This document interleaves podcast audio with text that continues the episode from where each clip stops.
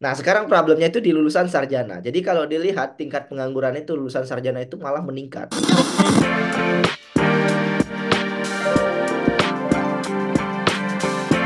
Hai sahabat TCID, kalian sedang mendengarkan podcast Suara Akademia. Ngobrol seru isu terkini bareng akademisi. Masuk tahun 2024, resolusi anak muda udah mulai banyak nih. Ada yang pengen cepat lulus kuliah, ada yang pengen uh, segera mendapatkan pasangan, ada yang ingin mendapatkan pekerjaan. Tapi um, di akhir minggu kemarin itu banyak banget diskursus dan juga topik diskusi di platform Twitter atau X ya. Banyak yang mengeluhkan sulit mendapatkan pekerjaan, lalu juga ada uh, pembahasan mengenai dalam tanda petik CV sampah dan sampai hari ini di uh, Twitter ada yang menyebutkan angka pengangguran gitu. Dan nge-refer uh, diskusi itu, pengangguran usia muda memang dikatakan uh, menurun dibandingkan tahun 2022 gitu kalau ngelihat data 2023. Tapi kan ini masih jadi permasalahan ya ditambah ada uh, winter tech gitu, layoff startup juga lumayan banyak dan angka pengangguran masih jadi bikin deg-degan. So di episode Suara Akademia kali ini kita bakal ngobrolin soal pengangguran usia muda yang masih banyak banget. Kira-kira ini permasalahannya apa? Apakah strukturalkah atau memang cuma perkara uh, skill mismatch aja kah? Dan kita bakal ngobrol sama Mas Media Wahyudi Askar. Beliau adalah uh, dosen dari Universitas Gajah Mada Yogyakarta. Halo, Mas Media, apa kabar, Mas? Halo, Mas Syarif. Kabar sehat. Oke, okay. nice to know it. Um, kita langsung coba ngobrol aja kali ya, Mas Media gitu. Ketika ngelihat situasi sekarang, um, anak muda yang lulus tuh deg-degan gitu, karena jumlah pengangguran banyak. Iya. Lowongannya yeah. sih emang nggak dikit, tapi susah katanya kayak gitu ya masih dan juga pengangguran uh, masih lumayan tinggi gitu, masih di rasio 6 sampai 8 persen. Nah, Mas Media uh, ngelihat situasi sekarang gimana nih, Mas? Iya, saya saya dulu juga pernah berada di posisi, tapi saya menarik, uh, saya ingin mengutip tadi Mas ya, CV hmm. sampah ya, nah. dan kayaknya saya dulu juga merasakan hal yang sama ya, 2011 ya, saya hmm. juga berjuang CV tapi memang saat itu ya secara emosional waktu baru lulus masih semangat ya. Iya. Yeah. Itu CV saya juga nggak nggak sampah-sampah banget sebetulnya karena. IPK saya tertinggi. Uh, waktu itu sempat dapat nominasi mahasiswa berprestasi di departemen. Hmm. Tapi ya ya itu susah juga ya. banyak kerjaan. Jadi apply sampai 20-an kalau nggak salah hmm. ya dan uh, jadi meskipun IPK udah tinggi itu juga nggak menjamin saya yeah. juga ikut magang segala macam jadi memang berat ya kondisinya hari ini tapi kalau kita lihat uh, beberapa tahun terakhir memang ada faktor eksternal dan internal ya Mas yang hmm. terjadi jadi pertama memang perlambatan ekonomi global pasca COVID itu mau nggak mau memang memukul sektor swasta sehingga banyak pekerjaan yang hilang ya atau berkurang gitu. Jadi hmm. banyak yang di layoff. Itu secara eksternal ya, tapi mungkin kita lihat ke Indonesia aja sih kayaknya yang paling signifikan ya. Hmm. Yang pertama itu pertumbuhan ekonomi mau nggak mau itu dipengaruhi oleh ketidakstabilan politik juga. Jadi 2024 banyak investor yang nahan ya. Uh, kemudian wait and see sehingga mereka nggak mau expand untuk bisnis mereka sehingga uh, relatif menahan ya untuk melakukan ekspansi bisnis dan merekrut uh, pekerja baru. Hmm. Yang kedua, menurut saya juga yang paling signifikan sekarang itu adalah ketidakseimbangan demografi. Oke. Okay. Ada peningkatan jumlah lulusan perguruan tinggi. Kita lihat banyak sekali lulusan S1 ya sekarang di ya. mana-mana gitu ya. Uh, tetapi memang tidak diimbangi dengan pertumbuhan industri yang dapat menyerap lapangan kerja. Jadi industri manufaktur itu Mas khususnya ya yang terus melambat. Sekarang proporsi manufaktur itu tinggal 18%. Hmm. Padahal sektor manufaktur itulah yang seharusnya menyerap para pekerja skill khususnya mereka yang lulusan perguruan tinggi. Jadi mau nggak mau sekarang mahasiswa S1 itu bertarung Mas, bertarung mencari kerja bukan membuka lapangan pekerjaan baru karena memang kondisi struktur ekonomi kita industri manufakturnya menurun. Di sisi lain ada faktor yang juga menjadi opportunity sebetulnya ekonomi digital ya Mas. Kita lihat ya. banyak anak muda masuk ke ekonomi digital. Tetapi memang pertanyaannya apakah ekonomi digital sekarang itu adalah ekonomi digital yang ideal atau sustain? Mhm. Nah, kenyataannya banyak eh, bisnis di ekonomi digital itu lebih kepada bisnis jasa ya, atau reseller misalkan, yang juga nilai tambahnya tidak begitu signifikan, begitu. Jadi ini juga jadi problem. Ada banyak problem lainnya, Mas, ya, kayak uh, ketidakpastian investasi. Misalkan Hmm. di debat capres kemarin itu Ya, hilirisasi, hilirisasi ya, semuanya hilirisasi. Padahal sebetulnya hilirisasi itu juga belum tentu membuka lapangan kerja yang luas. Apalagi ada isu uh, tenaga kerja asing yang justru dipekerjakan. I see. Eh, mm-mm. Ya gitu ya Mas kira-kira. Cuman kalau dari segi eh, teknologi juga kita lihat ada shifting ya selama satu dekade terakhir, eh, di mana mesin itu menggantikan pekerjaan yang selama ini dilakukan manual gitu ya. Itu otomatis juga berdampak signifikan sehingga banyak pengangguran. Kalau kita lihat pengangguran sekarang kebanyakan di desa juga ya Mas, itu yang Ya, meningkat pengangguran di desa. Jadi ada cerita yang menarik juga belakangan saya saya dengar misalkan sawah tergadai oleh orang tuanya untuk bayarin anaknya sekolah, betul. tapi ketika anaknya udah lulus, itu juga sawahnya nggak balik modal. Anaknya juga nggak bisa ngasih uang ke orang tuanya karena nggak ada kerjaan. Jadi sawah yang produktif tadi udah hilang, anaknya juga nggak kerja dan anak juga juga nggak mau ke sawah gitu ya. Jadi ini problem yang yang nggak mudah untuk untuk diatasi ya. Begitu ya Ah, Mas kira-kira.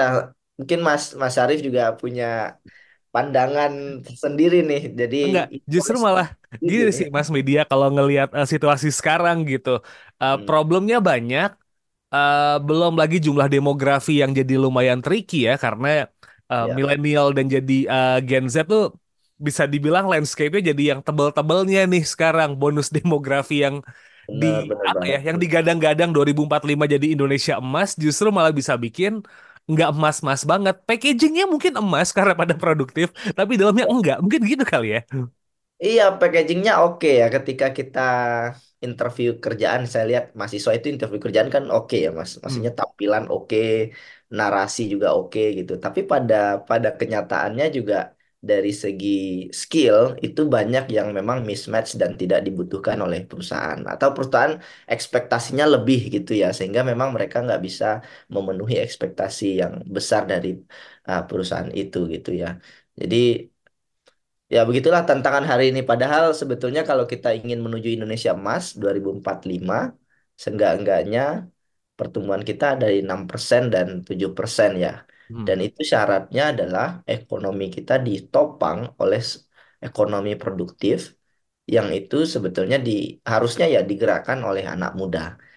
Artinya jangan sampai ini lulusan banyak gitu ya, tapi justru nggak bekerja. Jadi kita kehilangan potensi ya, kita kehilangan nilai ekonomi yang besar ketika kita sekarang sedang mengalami bonus Oke. demografi. Situasinya lumayan tricky kalau ngelihat data BPS di Agustus 2023 nih, eh, Mas Media gitu, Ya, bahwa ya, jumlah pengangguran di Indonesia kan sekarang ada di 7,86 juta orang gitu.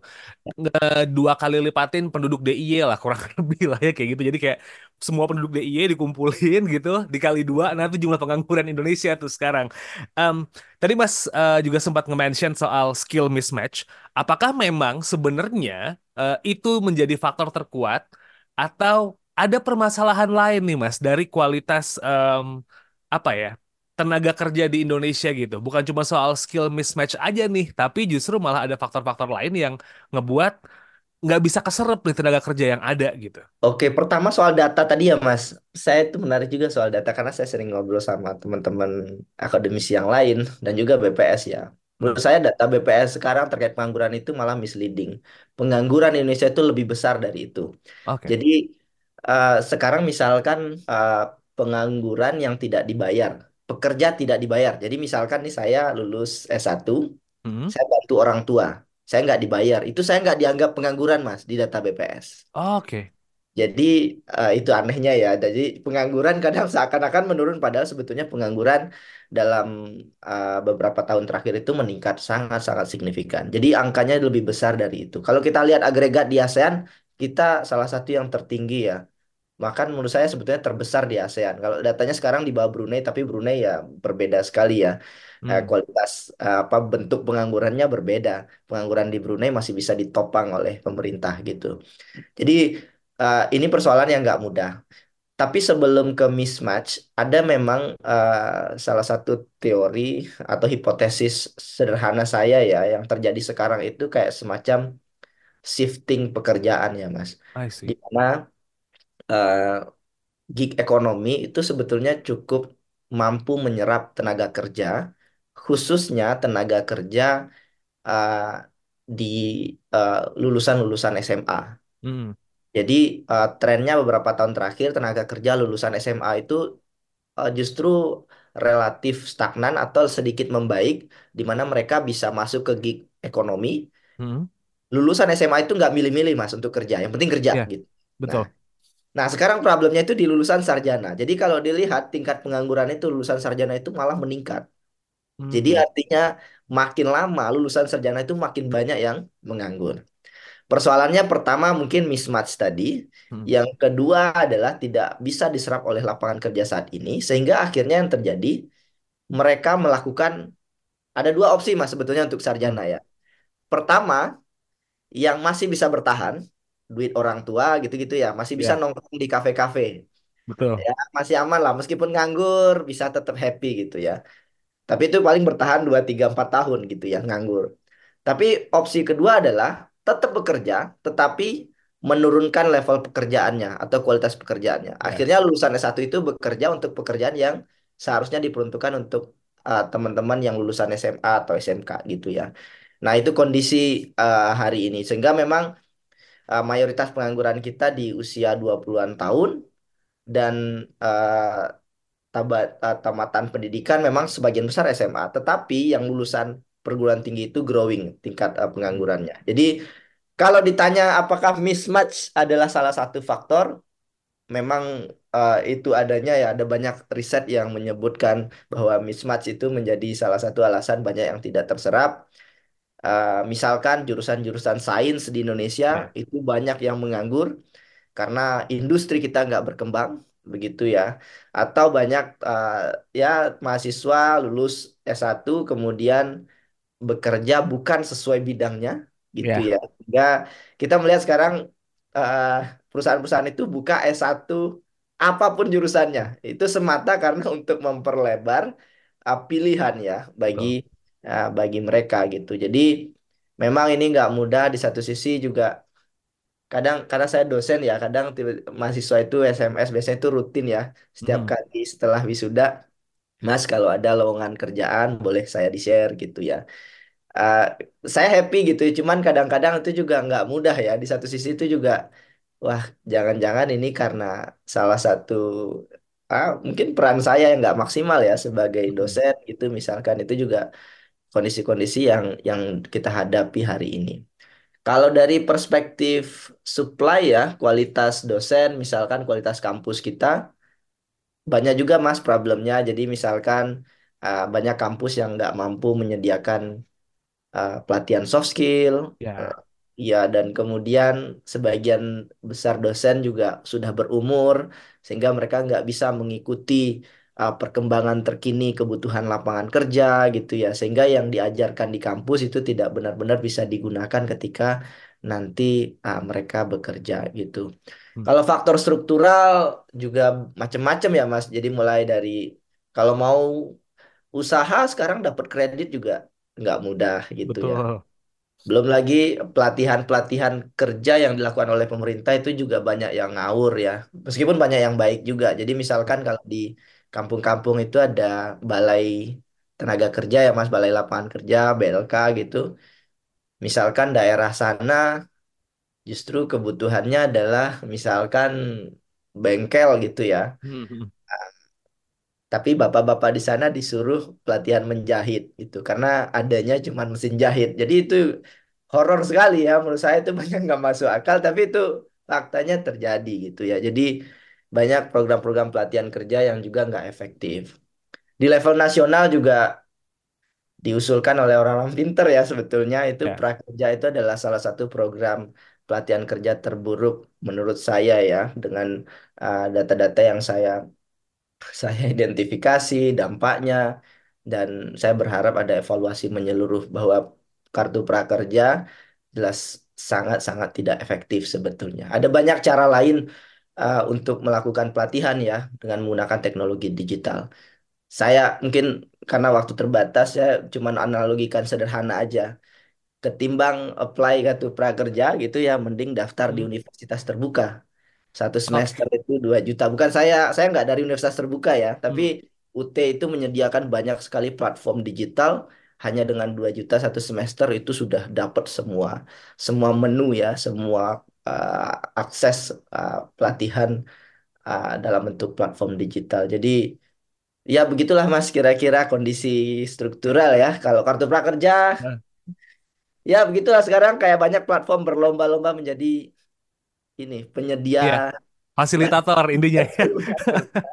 So, basically gini nih, artinya Mas Media, em, pemerintah yang dalam eh, tanda petik gitu ya, belum sukses membuat program eh, pengembangan SDM yang baik, ditambah kebutuhan industri yang makin ke sini geser, dan nggak enak sih nyebut kegagalan ya. Em, banyak juga mungkin kampus yang belum mengikuti tren juga. Ini muaranya justru malah bikin permasalahan sosial tentang pengangguran ini jauh lebih masif ya ke depannya dan jadi ancaman buat tahun-tahun berikutnya nih karena anak muda kuliah makin banyak gitu, lulusan SMA yang nggak mau kuliah juga makin banyak. gitu. Jadi akhirnya ini muaranya dong sebenarnya atau gimana nih? Iya, yang kita takutkan tentu yang pertama adalah dampaknya terhadap kemiskinan dan ketimpangan ya. Ya, Jadi ketika menganggur, otomatis kita kehilangan kesempatan. Kalau usia udah 30 40, wah itu udah berat gitu ya untuk ya, nyari kerjaan 40-an tahun. Sehingga otomatis akan berdampak pada kualitas hidup, banyak kejahatan dan seterusnya. Ketimpangan juga meningkat. Jadi ini problem-problem yang memang mau nggak mau harus diatasi oleh pemerintah. Memang kayak kompetisi mencari kerja itu kayak ya pertarungan mencari makanan di tengah hutan ya, betul. Mas. Mengerikan sekali. Dan saya harus jujur katakan, mereka yang bisa menjadi pemenang itu adalah mereka yang well prepared dan mereka yang memang punya dukungan apa ya, dukungan support system yang kuat. Jadi Mhm. uh, mulai dari motivasi orang tua, kemudian secara finansial juga gitu. Jadi sebagian bahkan dapat kerjaan itu begini, Mas. Kalau orang tuanya kaya, Ya, anaknya nyari kerja, itu anaknya bisa bermanuver, Mas. Maksud saya adalah gajinya tiga empat juta, dia terima. Mhm. Jadi itu juga menarik. Nah, tiga empat juta dia kerja 3 tahun, itu growing dia. Karena secara ekonomi dia nggak khawatir, karirnya juga growing. Nah, tapi ada juga eh, teman-teman mahasiswa yang lain, saya nggak mau kalau gajinya 3 juta, 4 juta. Mending saya nganggur dulu, saya nunggu yang 8 juta. Nah, ini juga problem. ya, Jadi eh, ada banyak hal ya eh, yang kalau dibahas bakalan panjang banget gitu. Tapi memang yang pertama menurut saya adalah kalau dalam perspektif pemerintah ya, mereka yang yang dibutuhkan oleh eh, dunia swasta sekarang adalah support ya, dukungan bagi dunia swasta sehingga dunia swasta itu bisa mendapatkan input pekerja yang berkualitas gitu. Jadi kalau dari survei eh, ketenaga kerjaan ya Mas, apa yang dibutuhkan oleh swasta dan apa problemnya sekarang dengan tenaga kerja di Indonesia, itu problemnya bukan kayak skill IT gitu-gitu ya Mas. Problemnya yang ya, pertama itu eh, etik kerja, etos ya. kerja. Jadi nah, Itu ini ini masalah susah sih itu emang. Nah, etos kerja ini susah banget, makanya banyak perusahaan yang pindah ke Vietnam gitu. Yang kedua, setelah etos kerja itu kemampuan berbahasa, Oke. berbahasa Inggris khususnya. Dan yang ketiga itu manajer- managerial dan leadership skills. Dan hampir dari dari ketiga ini kadang dan memang kenyataannya tidak bisa didukung oleh institusi pendidikan khususnya universitas sekarang gitu. Jadi etika kerja ya sekarang mahasiswa kadang dikasih tugas dikit aja udah udah mental gitu. Ya. juga kadang khawatir ngasih tugas terlalu banyak nanti mental health-nya kena gitu. Itu juga Mhm. Kalau bahasa Inggris juga nggak semua orang bisa bayar les gitu. Betul. Terus kemudian yang ketiga leadership, ya leadership itu eh, kadang nggak nggak banyak ya mahasiswa yang bisa dilatih leadershipnya di di kampus-kampus begitu ya Mas.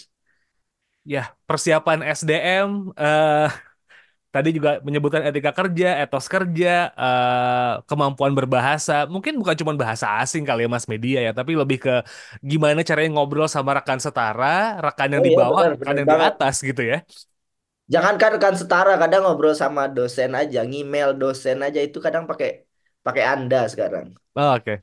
Pakai Anda, kamu gitu. Jadi ya nggak terbiasa. Jadi kayak nggak tahu ya cara berkomunikasi dengan Ya. baik. Dan padahal ini kadang memang dibutuhkan di dunia kerja gitu. Jadi eh, ya begitulah. Oke. Permasalahannya eh, bisa dilihat sekarang eh, lumayan bikin deg-degan di tengah situasi eh, politik yang nggak jelas nih, ya pemilu sampai kapan, bahkan sampai pelantikan kayaknya bikin deg-degan semua gitu. Orang yang bikin bisnis tuh semua masih mau ngeliat nih. Cuman preparation tetap harus jalan, Mas, karena eh, let- let's see eh, the future gitu. Kita anggap aja we gonna eh, pass the tunnel dan mikirin solusinya gitu kan. Em, pertanyaan saya berikutnya adalah peran apa yang bisa diambil sama lembaga pendidikan sama pemerintahan nih Mas untuk menyelesaikan masalah ini karena kan em, SDM yang ada gitu ya mahasiswa atau siswa kan memang harus disiapkan oleh lembaga pendidikan di luar mereka memang juga harus mencari skill-skill sendiri yang memang mereka pengen tekuni gitu at least lembaga pendidikan sama pemerintah gitu mereka kudu nyiapin apa ya Mas ya karena ngomongin em, job eh, sorry education mismatch sama jurusan udah agak susah nih. Sekarang lulusan peternakan atau pertanian yang di bank banyak. Saya yang bukan lulusan komunikasi kerja di industri media banyak gitu. banyak. Mungkin kita Iya. ngelihat soal anu ya, em, langkah-langkah yang harus ditempuh sekarang buat menyelesaikan masalah yang ada eh, saat ini gitu. Daripada kita blaming about the problems and uh, moaning gitu. ya. Wah, ini pertanyaannya susah ya Mas dijawab. Meskipun solusinya bisa banyak banget, Heeh, tapi mungkin kalau bisa dipilih prioritas ya, yang pertama kalau untuk lembaga pendidikan, memang butuh maksudnya revisit ya eh, dari materi-materi yang diajarkan di kampus. Oke. Jadi materi-materi yang lebih berkualitas, impactful, uh, dan mungkin sebagian bisa berbasis soft skill, analytical thinking gitu ya. Itu yang menurut saya perlu didorong. Uh, memang saya lihat selama satu dekade terakhir ya, saya jad- dulu jadi mahasiswa, sekarang saya jadi dosen. Hmm, Memang ada perbaikan, Mas. Dulu saya di kampus itu masih sistem hafalan gitu bahkan dan ya. sangat tidak efektif. Dan sekarang sudah mulai studi kasus dan uh, project based learning ya. Ya, saya kira variasi-variasi pembelajaran seperti itu itu bisa ditingkatkan. Kemudian yang kedua adalah ya kampus harus membuka diri, bekerja sama dengan industri. Eh, Saya belajar misalkan dari Inggris, misalkan mereka kayak punya model pentahelix di mana industri itu bisa bertemu dengan universitas dan pemerintah dan mereka bisa berkolaborasi bersama, termasuk untuk eh, penyaluran eh, apa namanya penciptaan lapangan kerja baru. Jadi uh, ini mungkin bisa dimulai. Cuman memang untuk kampus sendiri itu juga nggak mudah ya. Sebagian besar kampus di Indonesia adalah kampus negeri, ditopang oleh dana pemerintah, dan sebagian kampus negeri itu juga terseok-seok untuk menggaji dosennya. Ya. Nah, sekarang uh, saya belak-belakan aja S3 uh, itu kalau sekarang bekerja di kampus itu sesuai dengan standar aturan pemerintah itu gajinya sekitar 3 juta Mhm. S3 menjadi dosen dan lulusan S1 itu bisa mendapatkan gaji di Jakarta aja UMR bisa sampai 4 juta ya. Ya, Jadi 45-an. itu mau nggak mau itu berdampak sekali dengan kualitas pendidikan Indonesia. Jadi kalau kualitas dosennya tidak baik, ya kita akan ah, memiliki kualitas mahasiswa juga yang tidak optimal begitu. Itu pertama kalau dari lembaga pendidikan. Kalau dari lembaga pemerintah ya, saya kira di balik semua program-program yang ada hari ini, anak muda menurut saya sekarang itu butuh role model ya, Mas Mhm. role model yang tidak hanya ditampilkan oleh uh, presiden, tapi juga menteri, bupati, gubernur, uh, dan tokoh-tokoh publik gitu ya. Sehingga bisa mereka bisa melihat standar etos kerja hari ini tuh seperti apa gitu. Oke. Jadi mereka tidak tergamang gitu ya. Karena sekarang misalkan anak muda mau cari kerja, nanya ke orang tua, orang tua juga nggak bisa ngasih jawaban, Mas. Karena orang Ya, tua juga generasinya berbeda.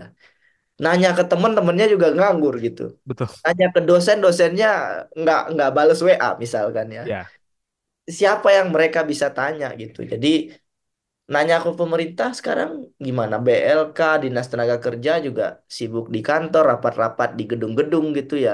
Mereka juga nggak pernah berdialog dengan para pencari kerja. Jadi saya kira di luar banyak program pemerintah saat ini anak muda kayak butuh role model ya menurut saya sehingga mereka punya pandangan ke depan apa yang harus dilakukan oleh anak muda, kenapa mereka harus berjuang, kenapa mereka harus ya setidaknya mendobrak kondisi hari ini gitu.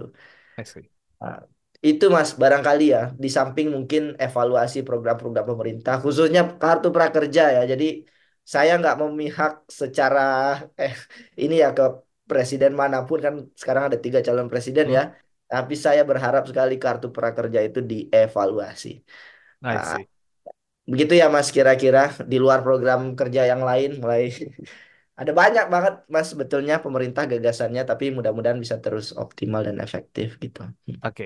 Eh, pengetahuan dari peker- calon pekerja dan juga em, orang-orang yang sekarang mungkin lagi mencari pekerjaan tentang ekonomi gig, Mas, mungkin juga perlu dipelajari kah? Karena kan kayaknya banyak yang sekarang situasinya layoff lagi banyak nih gitu. Orang mencoba mencari eh, penghidupan yang lebih layak dan beralih menjadi freelancer dalam tanda petik gitu kan Em, mau coba jadi content creator lah atau mungkin menjajarkan jasanya di eh, situs-situs freelance gitu atau pengen jadi content creator pemahaman soal ekonomi gig itu juga perlu dipelajari kah buat pekerja sendiri mas? Sebetulnya kalau ngelihat dari perspektif ekonomi memang proses pasar bekerja ya. Jadi artinya ketika COVID terjadi booming di ekonomi digital, serapan tenaga kerja di sektor digital kan banyak ya. Kemudian setelah COVID, orang beralih lagi ke uh, transaksi konvensional, uh, kemudian ekonomi digital sedikit menurun pasca COVID sehingga banyak yang di layoff gitu. Uh, jadi uh, memang ini juga yang harus disikapi oleh anak muda ya, khususnya yang ingin masuk ke sektor ekonomi digital.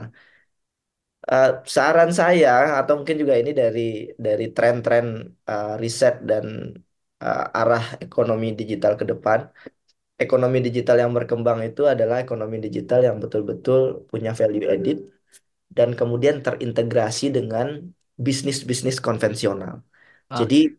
uh, tidak semata uh, menjajakan atau menjual jasa gitu ya, tetapi juga bisa menghasilkan nilai tambah, misalkan untuk UMKM, Mhm. uh, bisa menghasilkan nilai tambah untuk uh, ya sektor swasta khususnya, sehingga terjadi koneksi antara penciptaan lapangan kerja uh, lewat sumber daya uh, yang ada gitu ya, baik itu barang mentah, barang setengah jadi, yang kemudian diamplifikasi dengan penggunaan teknologi. Jadi uh, kalau hanya sekedar jasa gitu ya, problemnya di Indonesia ini ada jutaan orang, Mas. Betul. Satu kali lulus itu plong gitu ya. Hmm. Bayangkan lulusan IT, mohon maaf ya, di daerah Indonesia Timur, daerah Ya. Indonesia Barat gitu ya, bertarung dengan lulusan IT, UGM, ITB, UI gitu ya. Wah, pertarungannya keras sekali. Jadi berat memang gitu. Tapi ya itu tadi harus bisa menghasilkan nilai tambah. Jadi uh, para digital creator gitu uh, di sektor teknologi gitu ya, itu Hmm. nggak harus berbicara soal uh, mungkin kontribusinya di level nasional gitu ya, tapi juga bisa Mhm. melihat peluang-peluang bisnis di daerah misalnya, yang itu sebetulnya juga bisa uh, memberikan dampak positif bagi pertumbuhan UMKM di daerah misalnya. Jadi Oke. Begitu Mas, kira-kira ya ah, Indonesia pasarnya besar sekali, kita negara yang hebat dan ya saya mudah-mudahan berharap ya bisa terus berkembang. Terus Negaranya besar, jumlah penduduknya besar, permasalahannya pasti banyak ya dibandingkan dengan negara belajar ya. yang skopnya belum sebesar Indonesia gitu. Atau mungkin luas daerahnya tidak sebesar Indonesia ya Mas ya? Ya betul. Oke.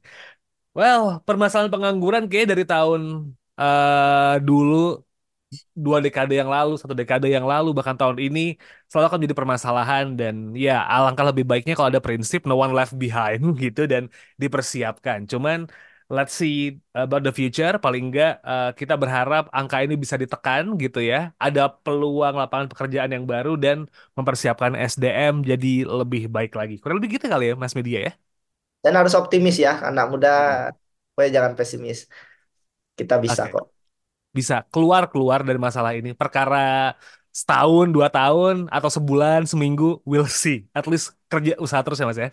Yang penting bangun pagi ya, bangun pagi. Meskipun nganggur sekarang tetap bangun pagi, duduk depan laptop kalau ada laptop, pokoknya keluar gitu ya. Iya. Yeah. Jangan banyak melamun dan mungkin berpikir hal-hal negatif yeah. gitu.